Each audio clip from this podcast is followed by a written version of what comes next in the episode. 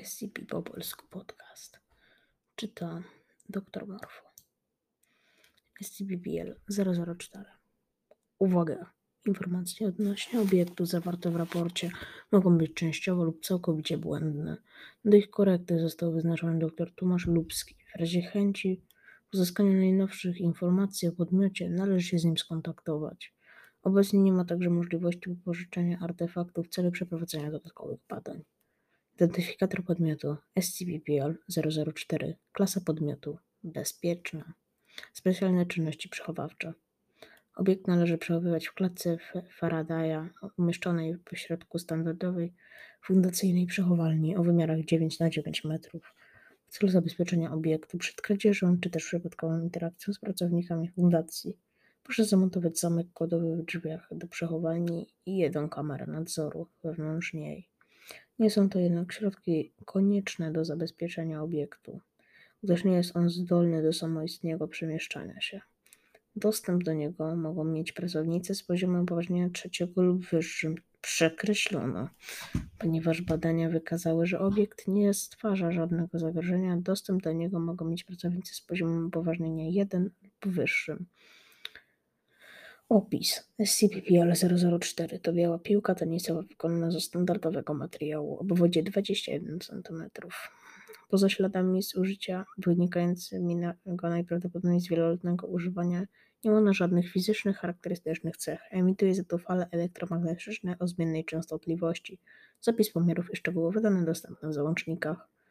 Istnienie podmiotu zostało odnotowane dnia 19.08.2000 przez agenta polowego Piotra Borowskiego podczas jego prywatnych zakupów na bazarze przy ulicy w mieście, w który natychmiast zabezpieczył artefakt i przewiózł go do ośrodka numer znajdującego się najbliżej, najbliżej miejsca zdarzenia. Co ciekawe, jak wynika z relacji agenta, podmiot ujawnił przed nim swoją anomalną teorię celową, zarazem nie wywierając na nim żadnego wpływu fizycznego czy psychicznego.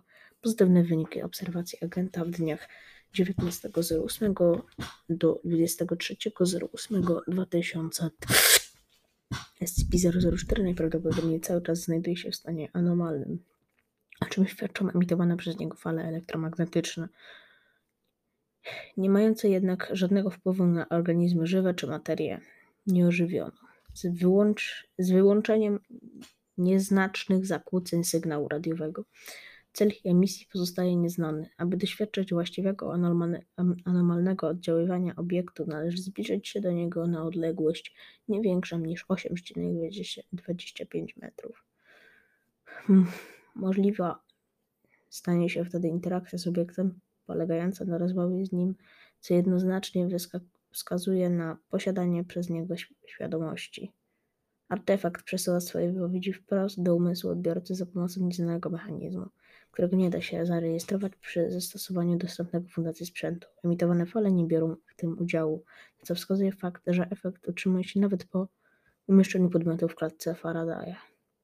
Potrafi także reagować na wypowiedzi osoby wchodzące z nim w interakcję. Jednak w tym celu dany komunikat musi być wypowiedziany na głos, ponieważ obiekt nie posiada żadnych elementów mogących umożliwić słyszenie. Zakłada się, że odczytuje dane komunikaty z umysłu odbiorcy.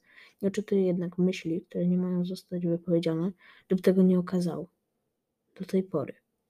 Tego uważa się, że odbiera dane komunikaty w momencie, kiedy mózg przetwarza myśli na mowę. Staje się on także nie być zdolnym do wyprowadzenia jakichkolwiek zmian w umyśle odbiorcy lub dotychczas nie korzystał z tych umiejętności. Ponadto obiekt może prowadzić konwersacje z większością liczbą rozmówców naraz. Jednak każdy znajdujący się w polu oddziaływania będzie odbierał jego wypowiedzi, których treść będzie brzmiała tak samo dla każdego słuchacza. Uwagi końcowe. Obiekt zdaje się nie stwarzać żadnego zagrożenia. Rozmowy prowadzone z nim przez pracowników klasy D i obserwacje, którym później ich poddano, wykazały, że nie manipuluje on ludzkim umysłem w żadnym stopniu, a odbyte konwersacje często dobrze wpływają na personel. Zapis odbytych rozmów dostępny w załącznikach. Nie są także zdolne do przemieszczania się, więc, ucieka, więc ucieczka jest mało prawdopodobna. Jedynym czynnikiem powstrzymującym badania z udziału personelu naukowego jest trudna do jasnego określenia ocena faktu, że obiekt ujawnił się i podał się fundacji dobrowolnie. edytowano. Po dogłębnym zapoznaniu się ze sprawą dnia 21 listopada 2000 zdecydowano o przeprowadzeniu eksperymentów z udziałem personelu naukowego. Załączniki. Notatka badawcza doktora Tomasza Lubski. W związku z licznymi zapytaniami o czas zakończenia moich badań i postępach w nich czynionych, stawianych przez kolegów z innych placówek, dołączam tę notatkę do załączniku aktualnej wersji raportu. Złożenie nowej wersji raportu jest niezwykle trudne ze względu na ostatnie wydarzenia mające miejsce w ośrodku nr 20. Od ich zakończenia wszelkie próby nawiązujące kontakt z podmiotem kończą się niepowodzeniem. Niemniej obiekt wciąż emituje fale elektromagnetyczne, więc można założyć, że nie uległ zniszczeniu i po prostu nie godzi się na kontakt z nami.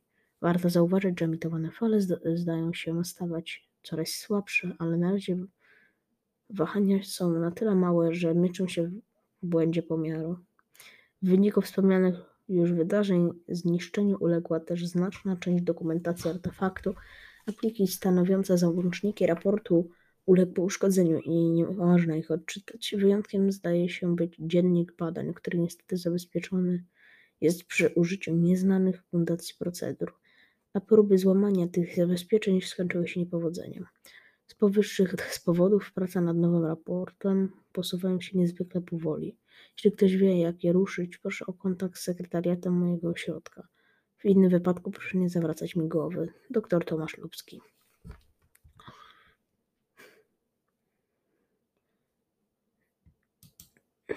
Zapis pomiarów fal elektromagnetycznych numer 1.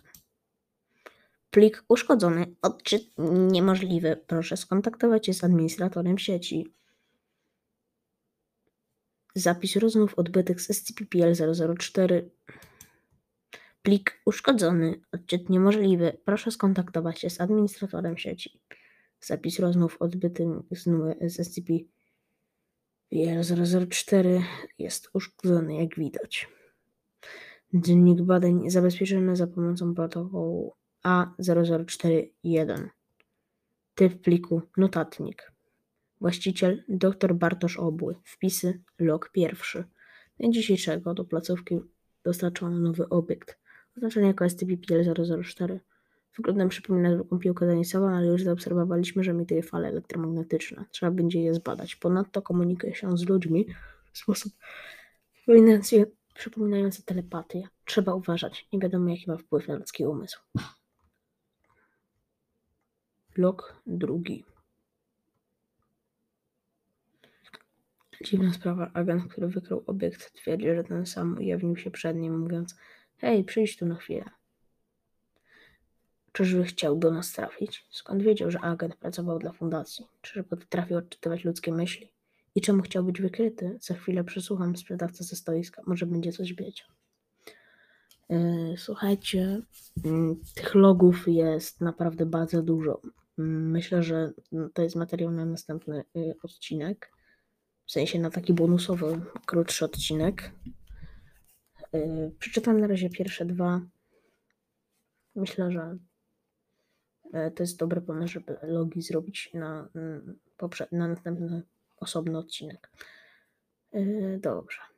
Dziękuję Wam za wysłanie tego odcinka SCP po polsku podcast. Yy, naprawdę dziękuję.